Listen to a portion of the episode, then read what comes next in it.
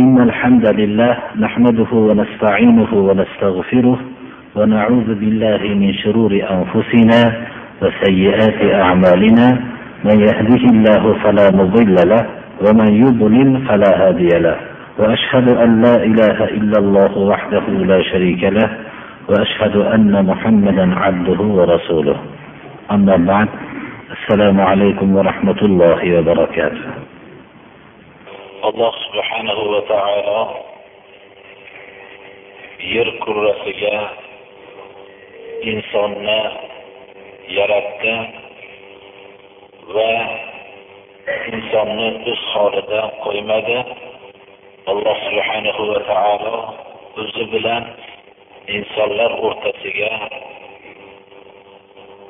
doim payg'ambarlarni Allohning buyruqlarini yetkazadigan elchilar qilib o'zlarining jinslaridan tanladi. Bu elchilarga faqat bir dinni vahiysi bilan tushirdi. U din islom dini.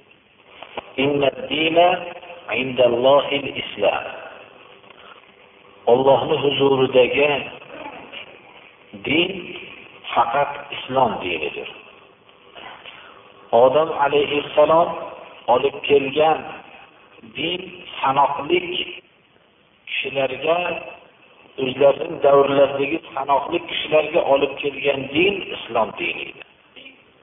Go'yoki bashariyat avvalgi davrida go'daklik bosqichida bo'lganligi bilan umum bashariyatni go'daklik bosqichida deb e'tibor qilsak, ularning aql va idroklarga muvofiq bo'lgan shaklini jo'natgan.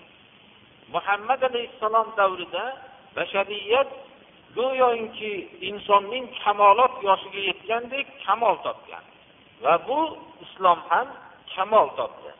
Al-yawma akmaltu lakum dinakum va atmamtu alaykum ni'mati va raditu lakum al-islam dinan. Bugun diniylarni sizlarga komil qildim deydi Alloh taolo. Demak, shu kamol Rasululloh sollallohu alayhi vasallamga davrida kamol topdi va shu kamol topganligi bo'yicha qiyomatgacha boqiy qoldi. Alloh subhanahu va taolo yerga o'zi merosxo'r bo'lguncha bu islom dini komil suratda boqiy qoladi. Payg'ambarlar insonlarga nima dedi? Ya ayyuhannas qulu la ilaha illalloh. Ey odamlar, la ilaha illalloh deylar deb shu dinni o'rgatdi. La ilaha illalloh bizning dinimizning asosi. Balki dinimizning asosiy bir rukni va komil ruknidir. Ya'ni Allohdan boshqa ma'budni inkor qilish. Faqat ollohni ma'budligini isbot qilish. ham boshqa ma'budotlarni inkor qilish va Allohning yagona ma'bud ekanligini isbot qilishlikni o'z ichiga oladi. Shuning uchun ham bo'lsa kerak Sufyon ibn Uyayna rahimahulloh aytgan ekanlarki, "Ma an'ama Allohu azza va jalla 'ala al-'ibad an 'arrafahum la ilaha illalloh." Alloh subhanahu va taolo bandalarga la ilaha illallohni tanib tanib qo'yishligidan ko'ra katta ne'matni bermadi. Agar bir kishi la ilaha illalloh kalimasini tanishlik ne'matiga sazovor bo'lgan bo'lsa, eng katta ne'mat egasi bo'ldi shu odam. Chunki la ilaha illalloh kalimasini tanishlik bilan olloh bashariyatni qaytargan narsalarning eng kattasi shirkdan ozod bo'ladi. Va la ilaha illalloh kalimasini kim aytsa, shahodat bersa, jannatga dohil bo'ladi degan mukofotga sazovor bo'ladi. Shuning uchun ham biz la ilaha illalloh kalimasini bilishlikka juda ma'murmizki o'tgan darslarimiz ko'pi mana shu narsani o'z ichiga oldi. Shu bilan birga biz bilishligimiz shu kalima asosida bilishligimiz zarur bo'lgan masalalarning to'rttasi birinchi ilmdir. Ilm ollohni tanish ollohning payg'ambari muhammad alayhissalomni tanish va dini islomni dalillar bilan tanishlikni o'z ichiga oladi. Ikkinchi masala bizni boshqa millatlardan. Ilmimizning farqi shuki amal qilishlik bilan farq qiladi. Ilm ham albatta farq qiladi. Ollohni tanish.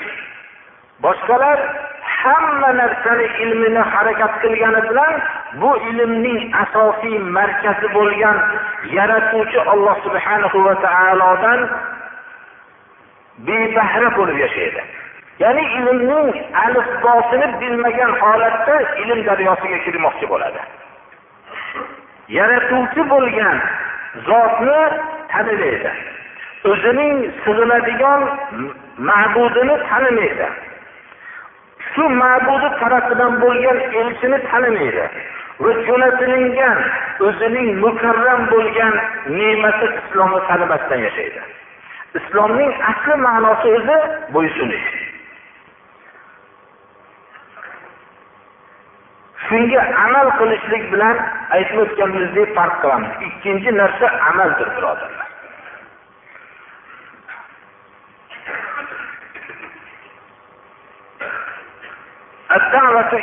uchinchisi ilm amal va shu ilmga chaqirishlik va amalga chaqirishlikdir. To'rtinchisi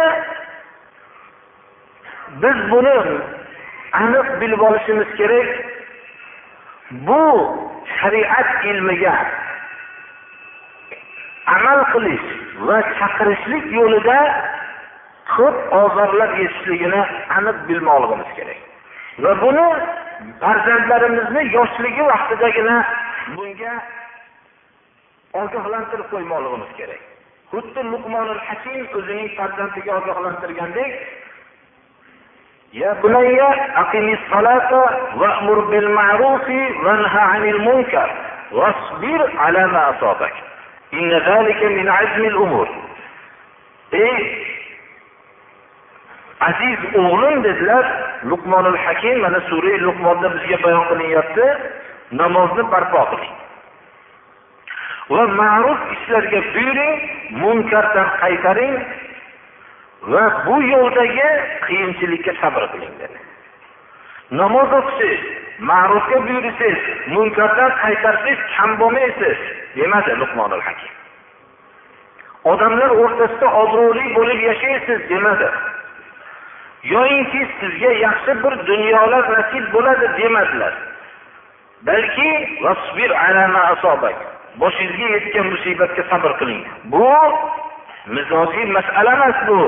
Namozni barpo qilish munkarga munkardan qaytarish ma'rufga buyurish va bunga sabr qilish bu mizojiy masala emas bu jiddiy ish bu. Bu hal qilinishligi mumkin emas bo'lgan narsadir deb bolalik vaqtida luqmonul hakim farzandiga ta'lim berdilar. Bizga o'xshagan agar shu ilmni o'qisangiz men bundan murod targ'ib qilmanglar demoqchi emasman. Mukofot tayin qilmanglar demoqchi emasman. Lekin hayot faqat mukofot uchun bo'lib qolmasligi kerak. Mukofotiki bir dunyoviy narsa. Masalan bizni farzandlarimiz hammasi ta'lim ilm o'qishligi ma'lum bir dunyoviy bir narsa uchun o'qishadi. Hakim ota o'zining bu yo'lning kelajagi bu haqdagi bo'lgan narsani bayon qilib ham qo'yadi.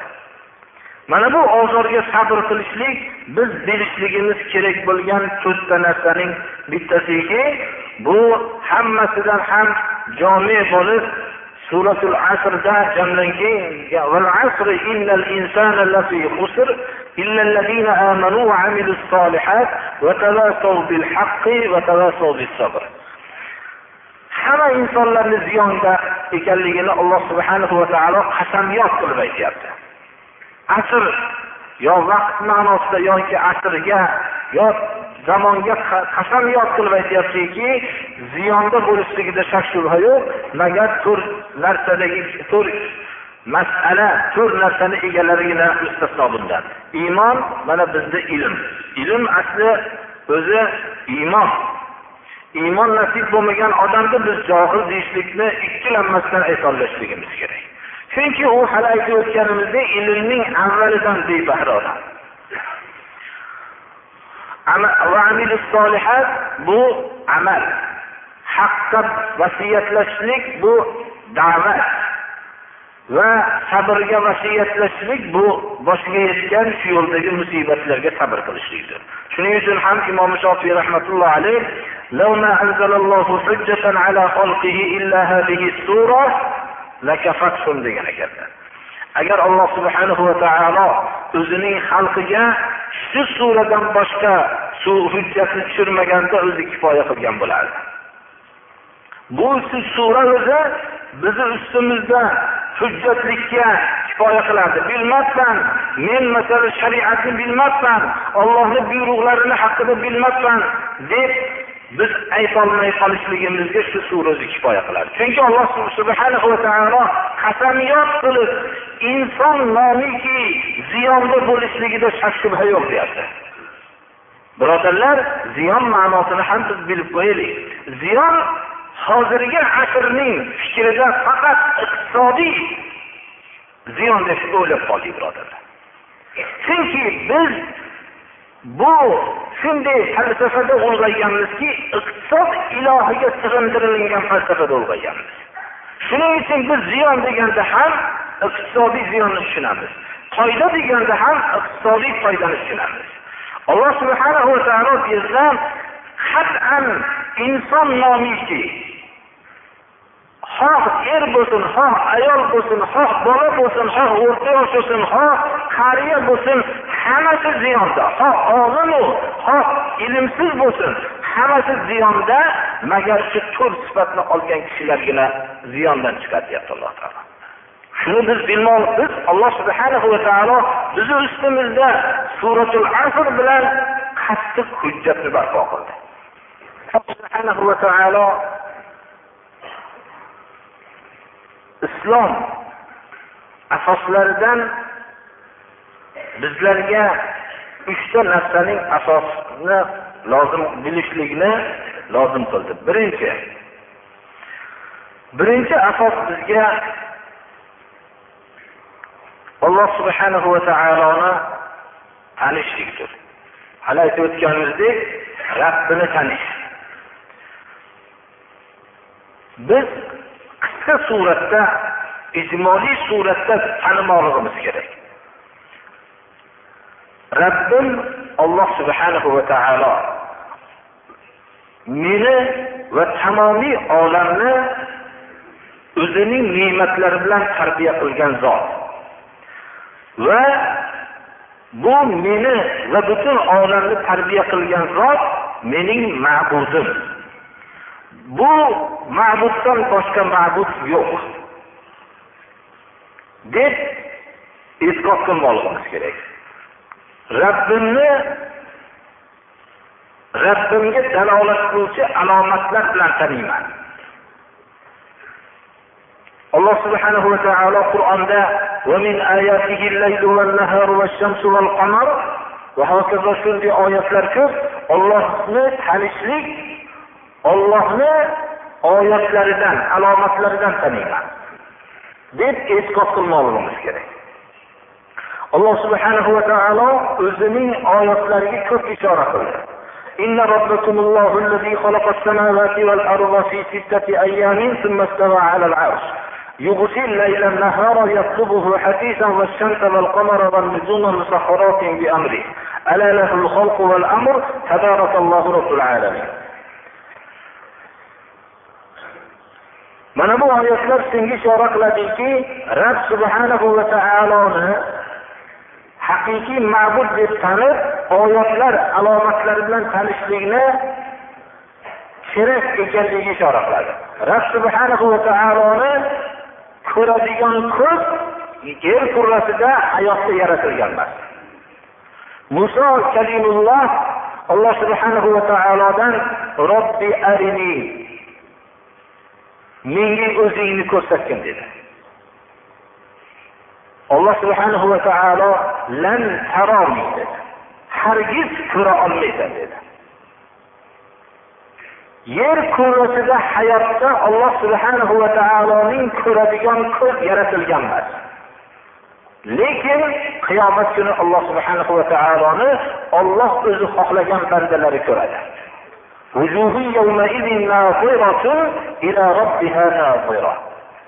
Alloh subhanahu va taolo mana bu oyatda ishora qilyaptiki alloh subhanahu va taoloni ko'rishlikni demak olloh o'zi xohlagan bandalar qiyomatda ollohni ko'radi. Hayotda inson rabbini oyatlari bilan taniydi. Rob subhanahu va taolo butun olamni tarbiya kunandasigina ma'bud bo'lishlikka loyiqdir alloh subhanahu va taolo tamom insonlarni ibodatga buyurgan vaqtida rabbiylarga tarbiyat kunandalarga ibodat qilinglar deb tarbiyat kunandaning yaratish sifatlarini zikr qilyapti. Biror bir yerda biror bir mavjudot yo'qki yaratishlik sifatini olgan. Magar alloh subhanahu va taolodir alloh subhanahu va taolo yaratdi. Yaratish ma'nosi birodarlar hozirgi vaqtda va boshqa ba'zi ilmni davo qilgan toifalar yaratish kalimasini iste'mol qiladi. U mutlaqo yaratish kalimasini bilmaslikdan hali aytib o'tganimizdek iymon sifati yo'q odam johil kishi. Chunki mevaning mana bu turini yaratdik. Va hokazo buni bu daraxtning bu turini yaratdik. Yaratish degan ma'noni mutlaq tushunmaslik yaratish degan narsa aslida yo'q bo'lgan narsani vujudga keltirish degani u bir odam bir moddani ikkinchi moddaga qo'shishligidan ovqatlarda ham boshqa bir moddaning bir turi paydo bo'ladi birodarlar. U narsa u daraxtlarni turini unga ulab buni ulashlikni yaratish bilmaydi birodarlar. Alloh subhanahu va taolo insonga bergan bu imkoniyat yer xilofatini o'tashlikdagi qobiliyatidan boshqa narsa emas bu. Yaratish yo'q narsani bor qilishlik. Alloh subhana va taolo ibodatga buyurgan vaqtda rabbiylarga ibodat qilinglar degan buyruq bo'lganda yaratuvchi bo'lgan rabbiylarga ibodat qilinglar dedi. Demak yaratuvchi alloh subhana va taolodir. Yer kurrasidagi hamma mavjudot jamlansa ham gun tutadigan pashshani ham yarata olmaydi birodar. Biz shu yerda ibodat kalimasiga bir qisqa ishoralar bilan agarchi o'tgan darslarimizda ko'p o'tsa ham to'xtalib o'tamiz. Alloh subhanahu va taolo buyurgan ibodatlarning turlari islom. Ya'ni bo'ysunish iymon ishonishlik ehson ixlos va duo so'rash xavf qo'rquv rajo umid tavakkul suyanishlik rag'bat moyil bo'lish rahbat ya'ni haybatlanishlikning haybatlanish darajasida bo'lmasa ham ozroq qismda qo'rqish. Qattiq yolborishlik qo'rqib yolborishlik hashiya qattiq bir dahshatlanish inobat ollohga qaytish isti'onat yordam so'rash istiozat biror bir musibatdan panoh istash istig'osa faryod chekib yordam so'rash. Zabh biror bir narsani so'yish va nazr bir narsani bizni tilimiz bilan aytganda atash va boshqa shu ibodatlarning turlari shulardan iborat. Mana bu ibodatlar faqat alloh subhanahu va taologa bo'lmoqligi kerak. Kimda kim shu ibodatlarni alloh subhanahu va taolodan boshqaga ham qiladigan bo'lsa mushrik bo'ladi. Ya'ni ollohga qilayotgan ibodatida boshqani ollohdan boshqani sharik qilgan bo'ladida amali habata bo'ladi. Haj qilgan bo'lsa haji bekor bo'ladi. Yana takror aytamizki bir odam aytmasinki namoz o'qishlik ibodat. Men biror bir narsaga xoh daraxtga xoh buloqqa xoh toqqa xoh mozorga sig'inayotgan vaqtimda biror bir narsani asos so'yayotgan vaqtimda men namoz o'qiyotganim yo'q demasin so'yish ibodat birodarlar bir narsani so'yib qurbon qilib so'yishlik ibodat so'raymizki u qur'oni karimda sarih aytilgan قل إن صلاتي ونسكي ومحياي ومماتي لله رب العالمين لا شريك له qul deb alloh subhanahu va taolo buyuryapti namozim va nusuki biror bir qurbonlik qilib so'ygan narsam bu hayotim mamotim hammasi shariki yo'q bo'lgan butun olamning tarbiyat kunandasigadir deb ayting deb alloh subhanahu va taolo buyuryapti. Agar shu undan tashqari biz unga savol qilamizki shu so'yishlikni ibodat demagan odamga shu so'yishlikdan maqsad nima? Savob umid qilishlik biror bir zararga kaforat bo'lishligi va hokazo shunga o'xshagan narsalar deydi. Shular ibodat bo'lmasdan nima? Shu qilayotgan narsangga biror bir savobni umid qilasanmi deb so'rash kerak. U savobni umid qilish ham yo'la tursin hali bu bitta so'ygan narsasi bilan endi bundan keyin gunohim qoldi desam ham gunohkor bo'lsam kerak deb o'ylaydi. O'zi jannatning hamma darvozasidan kirishlikka menga ruxsat bo'ldi deydi xususan ibodatda yo'q bo'lgan johil kishilar. Ibodatni buyog'ida shirk bo'lyapti desa ibodatni men ibodat qilayotganim yo'q desayu lekin bu tarafdan bo'lganda hech bu yer insu jin jamlanib qilgan savobni topolmaydigan savobga topyapman desa. Bu gap bilan o'zini gapi bilan o'ziga zarariga hujjat bo'ladi. Shuning uchun biz bunga hujjatlar hammasi avvalgi darslarimizda aytganmiz. وأن المساجد لله فلا تدعو مع الله أحدا. من إبادة فقط الله سبحانه وتعالى لمولك الدعاء مخ العبادة. دعاء إبادة من مغز نيجز رسول الله صلى الله عليه وسلم يتفلح خوف حق دعم فلا تخوفوهم وخوفوني إن كنتم مؤمنين. أميت حق فمن كان يرجو لقاء ربه فليعمل عملا صالحا. وعلى الله فتوكلوا إن كنتم مؤمنين الله كجن توكل قليلا ومن يتوكل على الله فهو حسبه رغبة رهبة خشوع حقنا إنهم كانوا يسارعون في الخيرات ويدعوننا رغبا ورهبا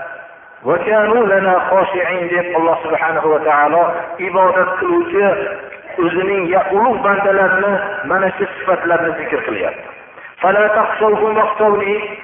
odamlardan qo'rqmanglar mendan qo'rqinglar deyapti ollohni buyrug'ini qilishlik bilan inson ibodat qiladi وأنيبوا إلى ربكم وأسلموا له إياك نعبد وإياك نستعين وإذا استعنت فاستعin billah va idza sa'alta fas'alillah Abdulloh ibn Abbosga shunday dedilar xullas qul a'udhu bi robbin nas panoh istashlikda robbin nosdan panoh istashlikni o'rgatdilar o'rgatdilar Alloh subhanahu va taolo bizga ta'lim beryapti. Bu narsalar ko'rsatadiki ibodatlarning turlari hozirgi aytib o'tilingan turlari faqat alloh subhanahu va taologa bo'lmoqligi kerak. Ikkinchi asos islomdir. Islom dinini dalillar bilan bilish birinchi alloh subhanahu va taologa tavhid bilan bo'ysunish itoat bilan bo'ysunish shirkdan bezor bo'lishlik bilan bo'ysunish ahli shirkdan bezor bo'lishlik bilan bo'ysunish bu ikkinchi asos islom. Islom iymon va ehsonni o'z ichiga oladi. Islomning rukunlari beshta birinchi shahadatu an la ilaha illalloh va anna muhammadan rasululloh. La ilaha illalloh muhammadur rasulullohga shahodat berish. Va iqomi solah namozni barpo qilish va itoi zaka zakotni o'tashlik va ramazon ramazonda ro'za tutishlik va baytullohni agar yo'lga qodir bo'lsa haj qilishlik. Mana bu islom birodarlar bir odam muslimman deyishlik uchun mana bu beshta rukn unda topilmoqligi kerak. Bo'lmasa bu beshta rukundan iborat bo'lgan islom bo'lsa islomni davo qilgan odam bu rukunlar topilmagan odam islomni davo qilishligiga haqqi yo'q. Shuning uchun ham rasululloh sollallohu alayhi vasallam zakot abu bakr roziyallohu anhu zakot bilan namozni farqini qilganlarga jihod e'lon qildilar. Zakotni berishmadilar. Shunda zakotni bermagan vaqtlarda jihod e'lon qildilar. Shunda umar ibn hattob u kishiga hujjat keltirib nahotki siz zakot bermaganlar bilan jihod qilasizmi deganlarda agar rasululloh sollallohu alayhi vasallamga bir anoq bitta echkini berishib yurgan echkini mendan man qilishsa jang qilaman dedilar. Mana bu islomni ular islomdan qaytgan kishilar deb e'tibor qildilar. Zakot haqida o'ylab qo'ymoqligimiz kerak bundan keyin. Iymon. Bu haqdagi dalillar mana birinchisi shahodatga payg'ambarimiz sollallohu alayhi vasallamdan islom haqida antashhada an la ilaha illalloh va anna muhammada rasululloh kalimasini ko'p kelganligi va namozni barpo qilishlik zakotni o'tashlikka dalil mana vama umiru illa liya'budulloha mukhlisina lahu ad-din hunafa va yuqimus salata va yu'tuz zakata ro'za haqida ya ayyuhallazina amanu kutiba alaykumus siyamu kama kutiba alal ladina min qablikum haj alloh subhanahu va taolo mana hajga ketayotgan kishilarni alloh taolo farzlarini o'tab kelishlikka nasib qilsin ولله على الناس حج البيت من استطاع إليه سبيلا ومن كفر فإن الله غني عن العالمين ikkinchi martabasi iymon Iymon rukunlari oltitadir ollohga iymon keltirish farishtalarga iymon keltirish kitoblarga iymon keltirish ya'ni alloh subhanahu va taolo o'tgan payg'ambarlarga muqaddas kitoblarni nozil qilgan bularga iymon keltirish va elchilarga payg'ambarlarga iymon keltirish qiyomat kuniga iymon keltirish va qadarning yaxshilik va yomonligiga iymon keltirish deydi دليل ليس البر أن تولوا قبل المشرق وأن تولوا وجوهكم قبل المشرق والمغرب ولكن البر من آمن بالله واليوم الآخر والملائكة والكتاب والنبيين. قدر كدليل إن كل شيء خلقناه بقدر. uchinchi martaba buni aytishligimizdan ilgari iymonning sho'balarini ham bilmoqligimiz kerak iymon rasululloh sollallohu alayhi vasallamning hadisi muboraklarida yetmishtadan ko'p tarmoqi bor dedilar. Ya'ni iymon bir daraxt bo'lsa uning yetmishtadan ko'p tarmoqi bor. Eng oliysi la ilaha illalloh eng kichkina shoxchasi bo'lsaki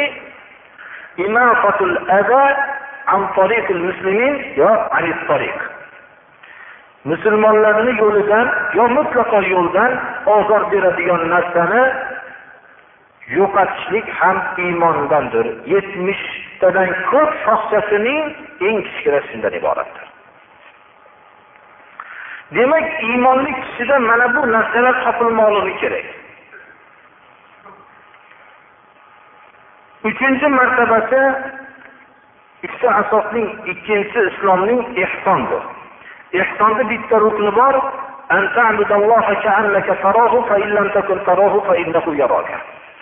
Ya'ni alloh subhanahu va taoloni ko'rib turgandek ibodat qilishlik. Agar ko'rib turibman deb tasavvur qilolmasak olloh subhanahu va taolo meni ko'rib turibdi degandek e'tiqod bilan ibodat qilishligimiz ehsondir. Biz shu narsaga e'tibor berishligimiz kerakki din deganda islom iymon ehsonni barobar tushunmoqligimiz kerak. Chunki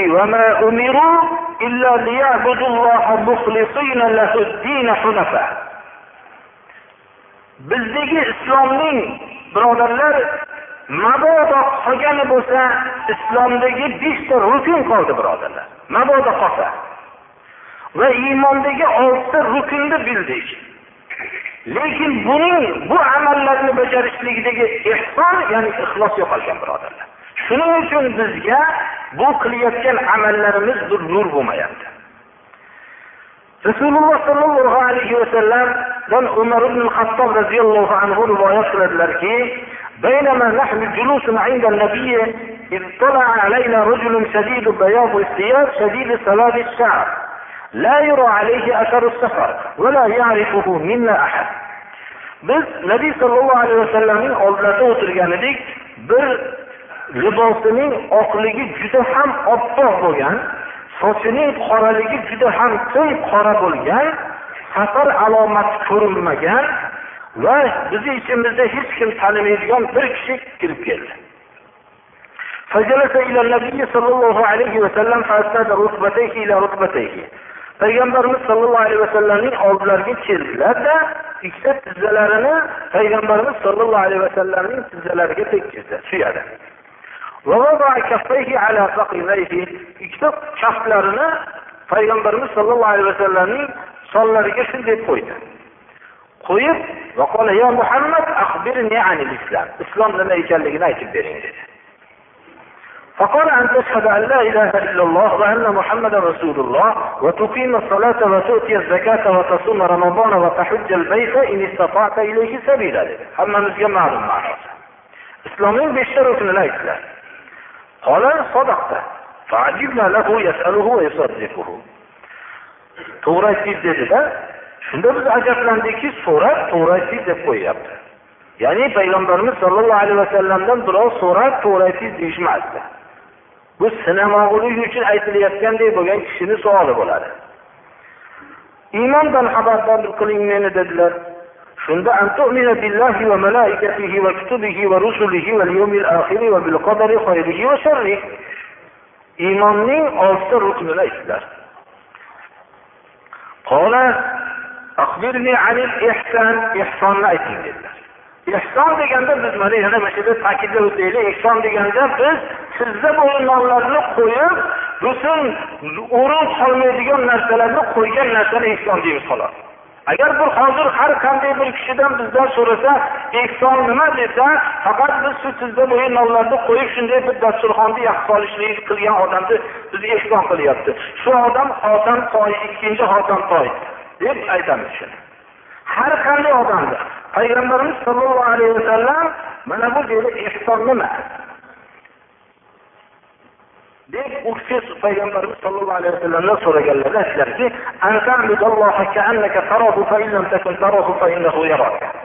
demak bizda ehson yo'q ekan. Bizni bizni diyorlarda ehson qilinmas ekan deb aytmoqligimiz kerak. Mana bu tafsir shuni ko'rsatadi. Ollohga ollohni ko'rib turgandek ibodat qilmoqliging agar ko'rib turgandek ibodat qilolmasang olloh meni ko'rib turibdi deb ibodat qilmoqliging demak bu yerda yo'q ekan birodarlar. Bu ehson yo'q degan narsa bu. Shunda qiyomatni ayting dedilar. Dedilar rasululloh sollallohu alayhi vasallam. So'raluvchi so'rovchidan olimroq emas dedilar.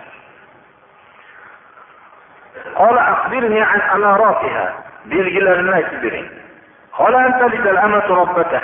وأن ترى الحفاة العراة العالة رعاء الشاء يتطاولون في البنيان belgilarni aytib bering deganlarda cho'ri o'zining hojatini tug'moqligi dedi ya'ni shunday dedilar ya'ni cho'ri o'zining hojatini tug'moqligi buni bir necha ma'nolar berishganlar bu hadisni sharh qilganlar buni bitta ma'nosi shuki cho'ri hojatini tug'moqligi deganligi ma'nosi shuki davrlar kelib onalar o'zining tuqqan farzandiga cho'riga o'xshagan xizmatkor bo'lib qoladi deganlar.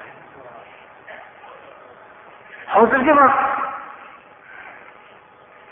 xuddi shu davr desa xato qilmasa kerak. Onalar otalar hammasi eng qattiq xizmatda. Nimaga? Maosh olmaydigan xizmatga kirishgan. Ular hammalari nabiralarini har joylarga olib borib kelish vazifalari shularni bo'yniga tushgan. U ham bo'lsa kufr shirkni joylariga mana bu narsa o'ylab qarasak hamma ota onalar o'zining hojatini tuqqanligini bilmagan. Ana bu narsa shuni ko'rsatadi. Undan tashqari yalangoyoq yarim kiyimsiz ola qo'lida hech narsa bo'lmagan kishilarni ya'ni cho'pon bo'lib o'tgan odamlarning binolarda zabondarozlik qilib kirilayotganligini ko'rishliging dedilar. Ya'ni cho'ponlik qilgan o'zi yalangoyoq bunaqa holatda yuradigan odam binolarda kerilishlikka loyiq emasdi hojati yo'q edi unaqa. Chunki u o'tkinchi o'tib ketadigan bunaqa o'rinlarda ketgan o'rinlarda bunaqa imoratga hojati yo'q edi. Chunki u ko'chmanchi ko'proq bo'ladi cho'ponlar. Bunaqa odamga bunchalik zabonbarozlik qilishlikka o'rin yo'q edi. Mana bu narsani ko'rgan vaqtingda qiyomatni alomatlari bo'ladi dedilar rasululloh sollallohu alayhi vasallam. Xolason opa shunday savollarni qilib bu kishi ketdilar. Ozgina tek xomush turdik. So'rovchi kim ekanligini bilasizmi? Yoki boshqalardan umumiy qilib so'radilar. Umar ibn hattobga xitob qilganlari bilan bilasizlarmi kim ekanligini? Allohu va rasuluhu alam. Alloh va rasuluhu rasuli biluvchiroq dedi. Bu jibril dedilar. Sizlarga diniylarni o'rgatishlik uchun ta'lim berishlik uchun kelgan edi. Demak bu yerda islom iymon ehson va qiyomatni g'ayb ekanligini bilishlikni din dedilar. Dinini o'rganmoqchi bo'lgan kishi mana bu narsani bilmoqligi kerak. Uchinchi asos nabiy sollallohu alayhi vasallamni tanimoqligi. Qisqacha suratda ishora qilib o'tamiz. Muhammad alayhissalomni tanish bu kishini muhammad ibn abdulloh ibn abdul muttolib ibn hashim otalari va opa dadalarini nomlarini qisman bilmoqligimiz kerak buning sababi shuki muhammad alayhissalom ota onadan tug'ilgan degan e'tiqodda bo'lmoqligimiz kerak shuning uchun ham rasululloh sollallohu alayhi vasallamning nasablarini e'lon qilinadi. Ya'ni muhammad alayhissalom ota onadan tug'ilgan deb e'tiqod qilmoqligimiz kerak. U kishi oltmish uchga kirganlar va qirq yil muddat nubuvat payg'ambar bo'lishligidanlardan ilgarigi umrlari yigirma uch yil muddat nabiy va rasul bo'ldilar. Nabiy deb mana ulamolar farq qilishadilarki kitob nozil bo'lmagan kishini vahiy kelgan faqat bo'lgan kishini nabiy deyiladi. Kitobi ham nozil bo'lgan bo'lsa rasul deyishadilar. Ba'zilar buni farq qilmasdan birinchi xabarni nabiy deyiladi va keyingi davom etganni rasul deyiladi. Xullas payg'ambarimiz sollallohu alayhi vasallamni olloh buyurdi iqro deb ya'ni nabiy bo'ldilar. Ya yuhal muddassir qum fa'anzir deb rasul bo'ldilar elchi bo'ldilar odamlarni ogohlantir deb. Iqro degan buyruqda o'zlari o'qishlikka ma'mur bo'ldilar.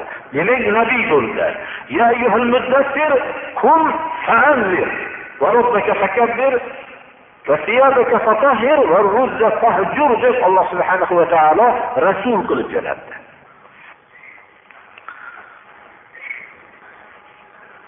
Payg'ambarimiz sollallohu alayhi vasallam makka mukarramada o'n uch yil yashadilar. o'n uch yil muddatning o'n yilida tavhidga chaqirdilar. o'n yil muddatdan keyin alloh subhanahu va taolo o'zining meros ne'matini ko'rsatdi. Va shu meros ne'mati nasib bo'lgan soatda besh vaqt namoz farz qilindi. Uch yil makkada besh vaqt namozni o'qidilar. Namoz farz qilinishligidan ilgari savol qilinib qolishligi mumkin. Ibrohim alayhissalomning o'qigan namozlarini o'qib yurardilar. Uch yil muddat makkada besh vaqt namoz o'qidilar o'zlari va o'zlariga ergashgan kishilar. Va madinada o'n yil madinaga hijrat qilib o'n yil madinada turdilar. Rasululloh sollallohu alayhi vasallam madinada barqaror bo'lganlaridan keyin islom shariatlarining qolganlariga buyurdilar. Zakot madinada farz bo'ldi. Ro'za madinada farz bo'ldi. Haj madinada farz bo'ldi. Azonni mashru bo'lishligi madinada bo'ldi. E'lon bo'lib masjidlarini madinada qurdilar. Jihod amri ma'ruf nahiy munkar boshqa shariatning buyruqlari hammasi madina munavvarada bo'ldi. Rasululloh sollallohu alayhi vasallam yigirma uch yil payg'ambar bo'lganlaridan keyin vafot topdilar. O'tgan payg'ambar birodarlari vafot topganiga o'xshagan. Innaka mayyitun va innahum mayyitun summa innakum inda robbikum taxtasimun deb alloh subhanahu va taolo siz o'lajaksiz va odamlar ham o'ladi deb xabar berib qo'ygan edi وما محمد إلا رسول deb alloh subhanahu va taolo u kishining o'limi haqida avval xabar berib qo'ygan edi vafot topdilar u kishining dinlari boqiy qoldi qur'oni karimni alloh subhanahu va taolo qiyomatgacha olib qolishlikni o'zi va'da qildi qur'onning dushmanlari shu davrgacha ko'p bo'lishligiga qaramasdan. Rasululloh sollallohu alayhi vasallam ummatni qaysi yaxshilik bo'lsa yo'lladilar va qaysi yo'llarda yomonlik bo'lsa ogohlantirdilar. Rasululloh sollallohu alayhi vasallam yo'llagan yaxshiliklarning eng kattasi tavhiddir. Tavhid bu Э, tavhiddir va olloh yaxshi ko'radigan rozi bo'ladigan narsalarning hammasi yaxshilikdir. Rasululloh sollallohu alayhi vasallam ogohlantirgan narsa shirkdir va olloh rasuli yomon ko'radigan narsalardir. Mana bu narsalardan ogohlantirdilar. Rasululloh sollallohu alayhi vasallamning dinlari komil bo'ldi. Biror bir kishi bu dinga qo'shishligi bilan din dindan olib tashlashligini farqi yo'qdir. Dinga qo'shgan odam go'yoki davo qilganki bu dinni komilmas mana shu narsa bilan komil bo'ladi degandan boshqa davo emas.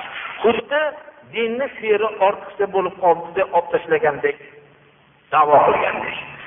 Shuning uchun rasululloh sollallohu alayhi vasallam man fi amrina dedilar. Bu dinimizda bo'lmagan narsani kim vujudga keltirgan bo'lsa bu marduddir bu narsa yo'q narsa dinimizda deb ogohlantirdi hozirgi darsimiz birodarlar o'zim ijmoliy qisqa suratda bo'lsa ham dinimizdagi asosiy bir mag'zlardir bu narsalar mo'min kishi iymonni davo qilgan kishi bilmasligiga hech uzri yo'q bo'lgan narsalardir.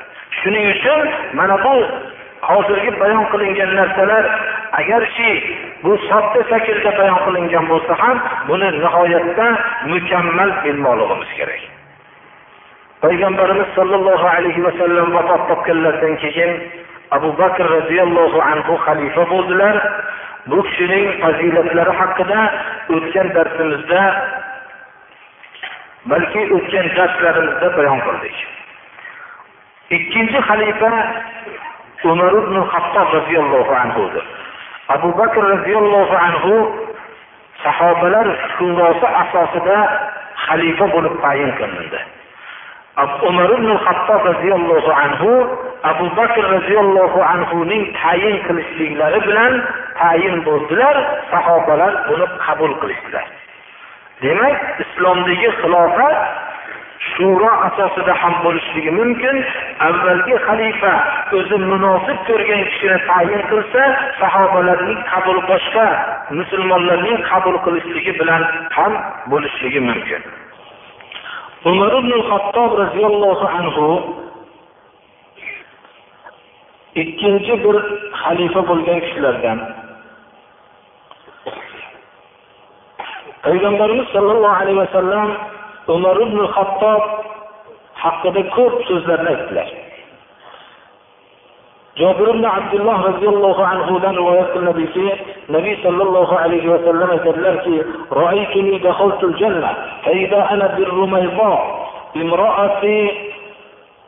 خشفة خشفة فقلت من هذا فقال هذا بلال ورأيت قصرا بفنائه جارية فقلت لمن هذا فقال لعمر فأردت أن أدخله فأنظر إليه فذكرت غيرتك فقال عمر بأبي وأمي يا رسول الله أعليك أغار من shunda dedilar jannatga kirganligimni ko'rdim dedilar qarasam rumayzoni ko'rdim rumayzo abu talhaning ayollari edi shunda bir oyoq tovushini eshitdim kim bu dedim desam menga aytildiki bu bilol deyildi ba'zi rivoyatlarda borki ey bilol dedilar. Eng seni umidlik oxiratda umid qiladigan amalingni aytgin dedilar. Chunki men jannatda oyoq tovushingni eshitdim dedilar. Shunda aytdilarki yo rasululloh meni bir umidlik bir amalim yo'q. Magar shu bir davomiy bir amalim borki qachonki bir tahorat qilsam ikki rakat namoz o'qimasdan qo'ymayman dedilar. Shunda shu bo'lsa kerak deb qo'ydilar. Bir qasrni ko'rdim dedilar. U qasrning ayvonida oldida bir joriya bir qiz turibdiki bu qasr kimniki? deb so'rasam umar ibn hattobniki umarniki deyishdi. Bir qasrni chiroyliligidan ko'rmoqchi bo'ldimu lekin umarning sizni g'ayurligingizni ko'rib esga olib kirmadim dedilar. Shunda ba'zi rivoyatlarda keladi ota onam fido bo'lsin yo rasululloh sizga g'ayurlik qilarmidim dedilar yig'ladilar payg'ambarimiz sollallohu alayhi vasallam aytdilarki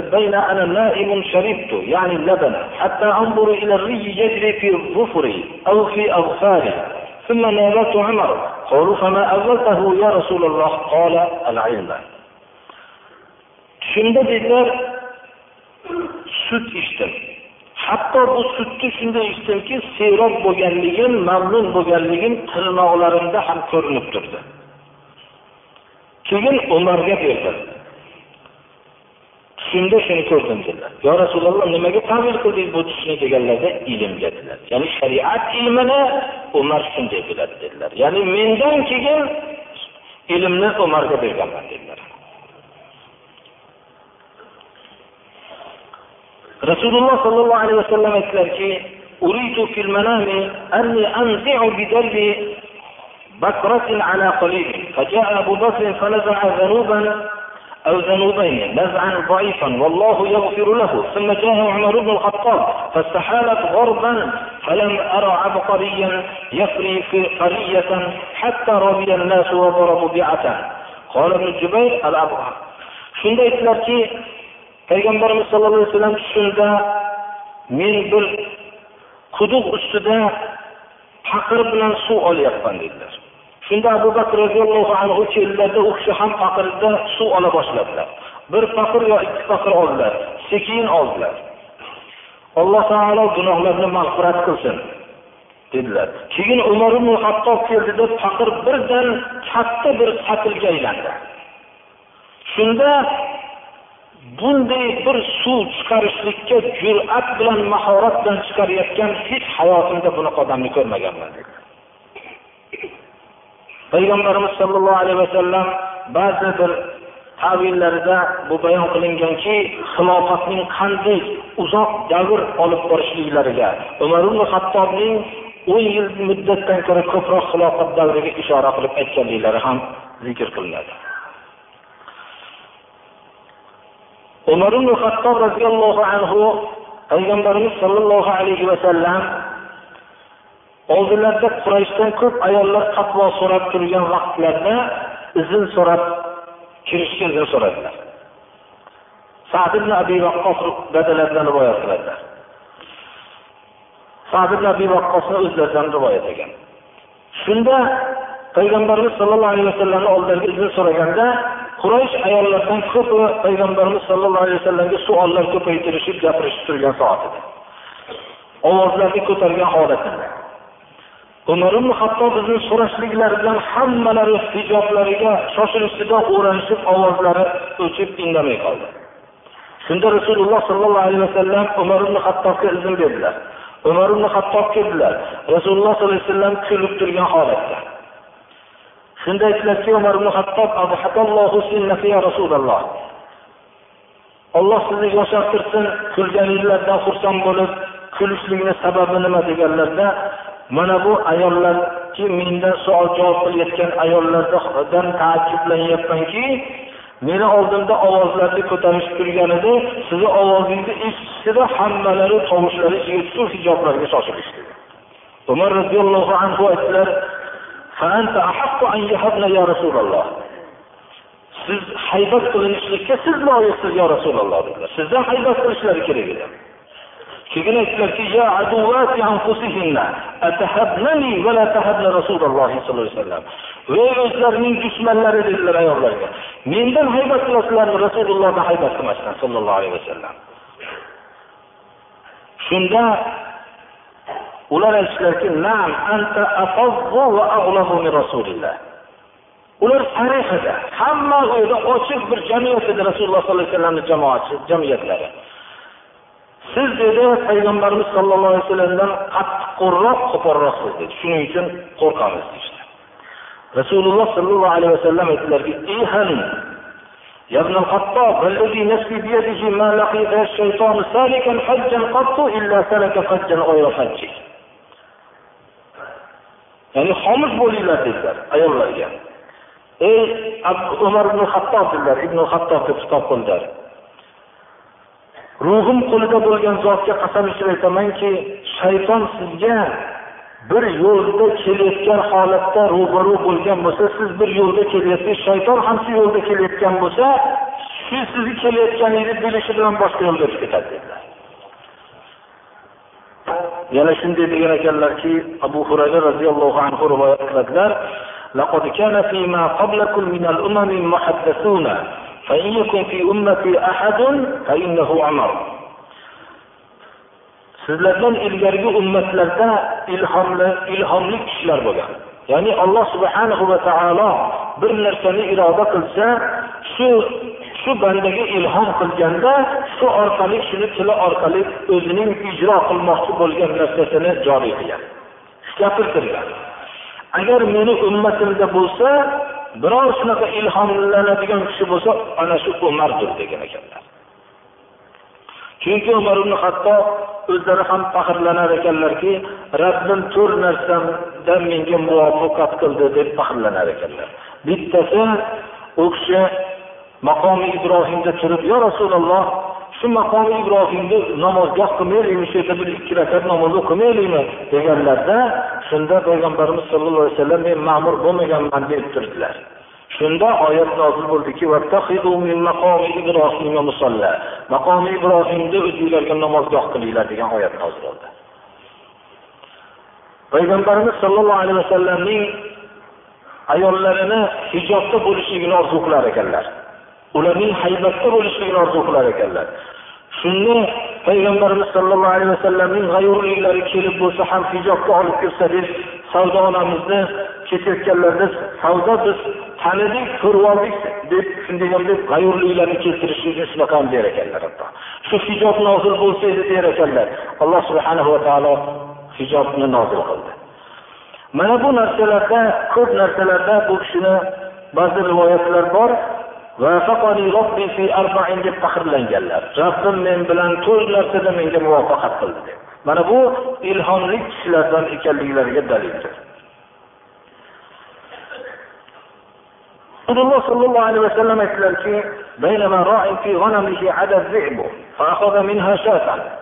bir cho'pon o'zini qo'yi bilan turgan vaqtda bo'ri hujum qildida undan bitta qo'yni olib ketdi. Cho'pon qo'yni olishlik uchun bo'rini quvib ketdi. Hatto qutqarib oldi. Qutqarmagandan keyin bo'ri shunday qaradi. Payg'ambarimiz sollallohu alayhi vasallam sahobalarga aytib beryaptilar.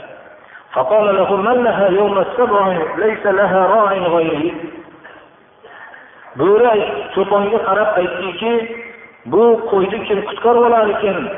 Yirtqich hayvonlar bo'lgan kunida mendan boshqa cho'poni qolmasdan men cho'pon bo'lib yirtqichlar olib ketadigan kunda kim qutqarib olar ekan dedi subhanalloh eshitib turgan kishilar vo ajab deyishdilar فقال النبي صلى الله عليه وسلم فإني أؤمن به وأبو بكر وعمر وما سمى أبو بكر وعمر men abu bakr umar bunga iymon keltiramiz dedi Agarki abu bakr bilan umar ana shu voqeani oldida bo'lmagan bo'lsa ham dedilar ya'ni iymon birodarlar abu bakr va umar roziyallohu anhuning iymonlarini payg'ambarimiz sollallohu alayhi vasallam o'zlarining iymonlari bilan yonma yon zikr qildi.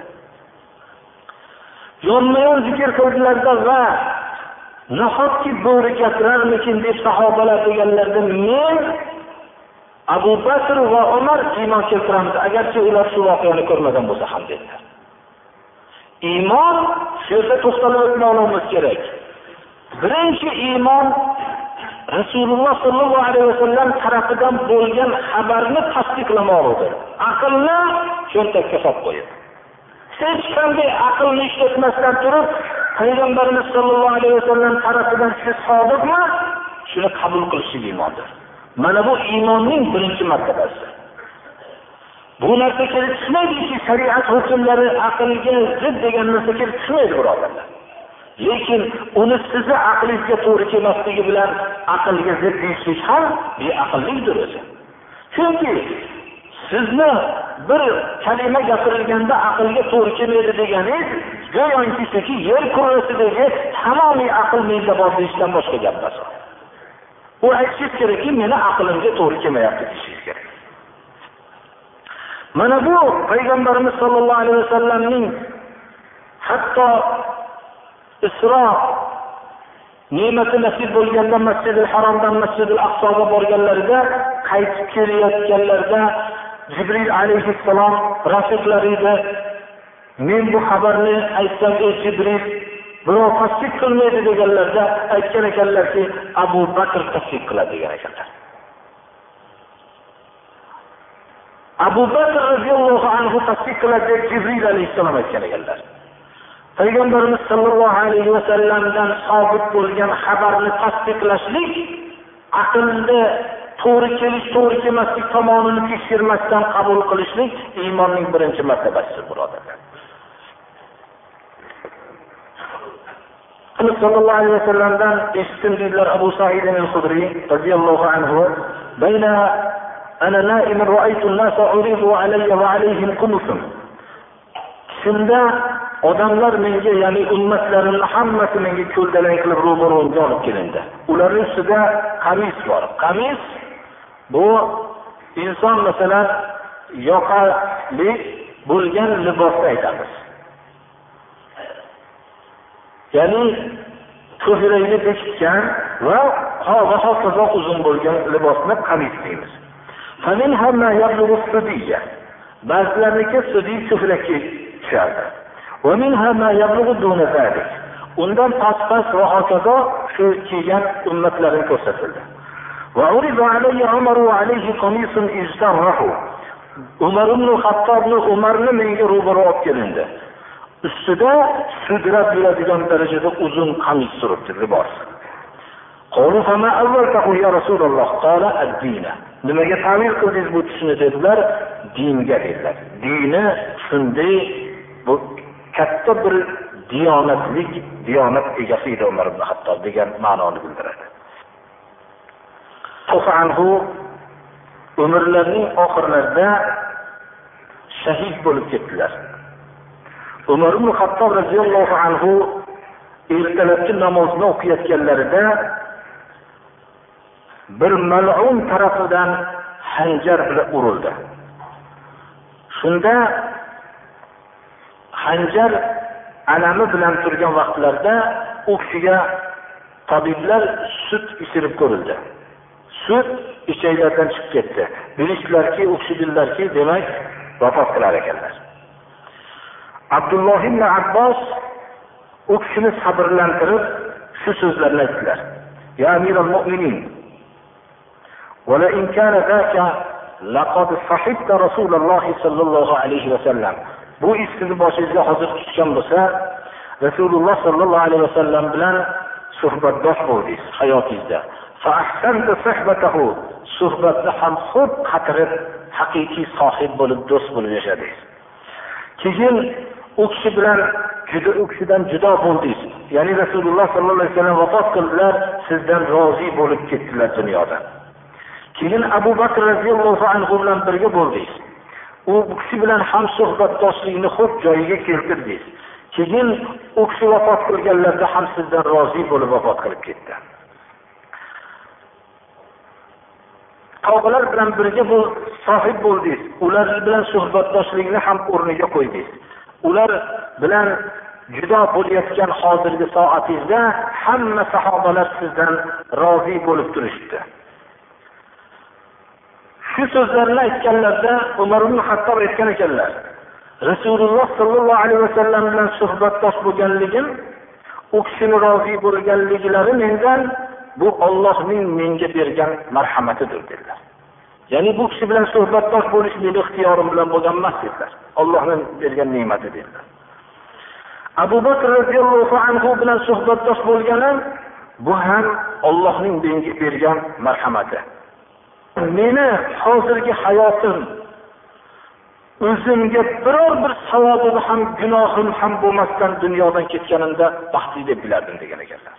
Shuncha hayotlarida amal bilan o'tgan zot shunday degan ekanlar. Hatto ba'zi rivoyatlarda keladiki abdulloh ibn abbos yaxshiliklarni zikr qilayotganlarida ey abdulloh ibn abbos degan ekanlar. Meni oldimda shunday so'zni aytginki qiyomat kuni ollohni huzurida aytolmaydigan so'zingni aytgin degan ekanlar. Meni maqtama degan ekanlar. Agar qiyomat kuni meni haqqimda hozir aytayotgan so'zlaringni ham aytolmaydigan bo'lsang aytgin degan ekanlar.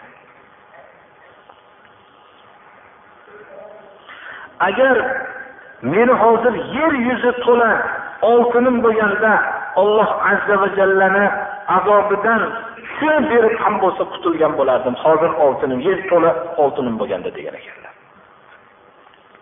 Umar ibn hattob roziyallohu anhu hayotlarida juda ham bir hassos bo'lib yashagan ulug' sahobalardandir birodarlar ulug' musulmonlarning bizlarning xalifamizdir.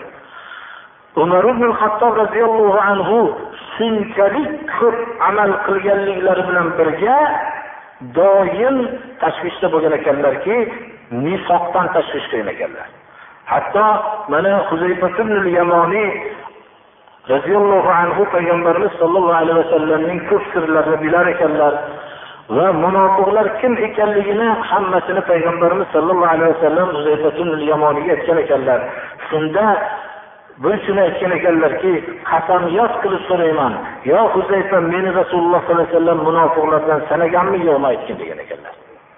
Shunda yo'q degan ekanlar. Shunda alhamdulillah degan ekanlar. Umar ibn hattob ham roziyallohu anhu nifoqdan qo'rqqan ekanlar. Shunchalik amallari bilan.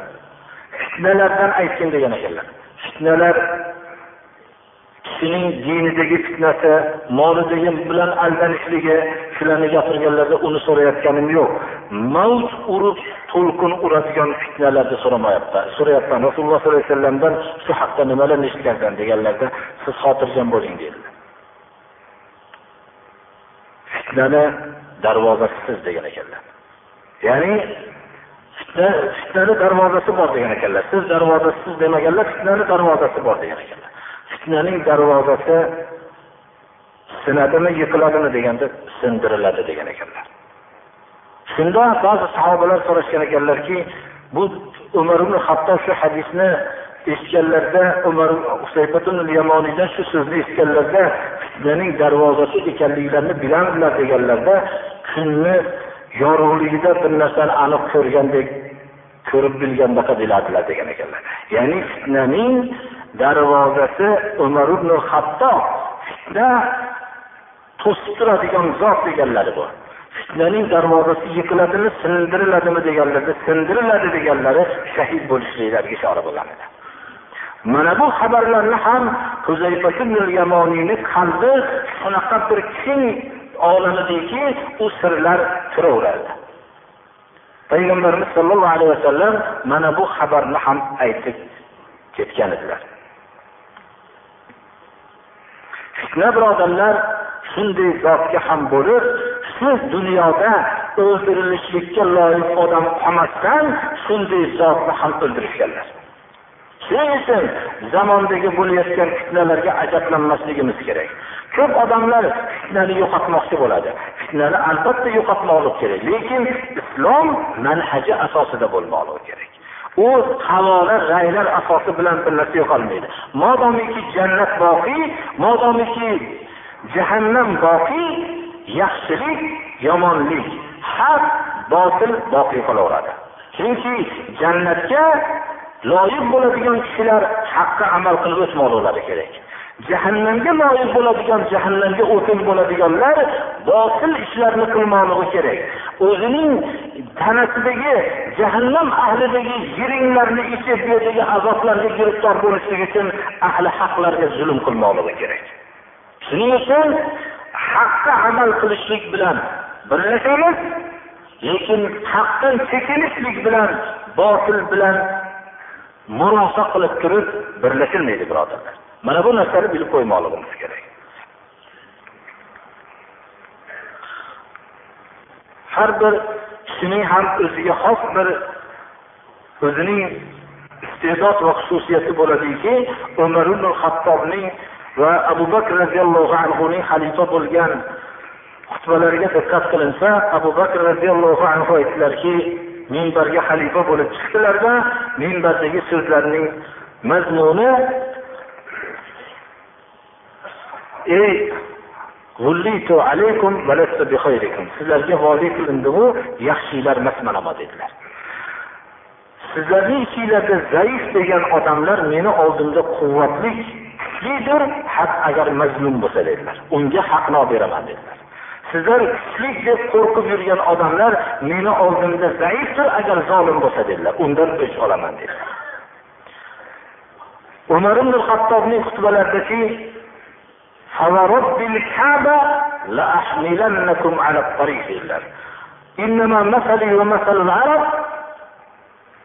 men bilan arablarni misoli shunga o'xshaydiki men bir o'jar tuya bilan o'jar tuyani egasiga o'xshaydi dedilar. Men tuyani egasi xalqlar o'jar bir xalqlarni oldiga xalifa qilindim. Ammo ana ammo robbil kabaga qasam ichib aytamanki islom yo'liga men sizlarni majbur qilaman dedilar ya'ni o'zlarining islomdagi qattiq bir shiddatlarini ifodalovchi kalimalari bilan minbarda so'zladilar har bir kishining o'ziga xos bir iste'dod qobiliyati bo'ladiki shu bilan boshqadan ajralib turadi. Alloh subhanahu va taoloning rahmati bo'lsin butun xalifalarga va sahobalarga tobeinlarga allohni rahmati bo'lsinki ular qatorida hammamizga. اهدنا الصراط المستقيم صراط الذين أنعمت عليهم غير المغضوب عليهم ولا الضالين. وصلى الله تعالى على خير خلقه محمد وآله وأصحابه أجمعين. اللهم بارك لنا في مدنا وصاعنا وارحمنا واغفر لنا. اللهم يسر لنا أمورنا أمور الدنيا والآخرة وأجرنا من خزي الدنيا وعذاب الآخرة. يا رب المستضعفين نجي المستضعفين في العالم. اللهم أهلك الكفرة الذين يكذبون رسلك ويصدون عن سبيلك ويقاتلون أولياءك. اللهم خالف بين كلمتهم وزلزل أقدامهم وأنزل بهم بأسك الذي لا يرد عن القوم المجرمين. وصلى الله تعالى على خير خلقه محمد وآله وأصحابه أجمعين.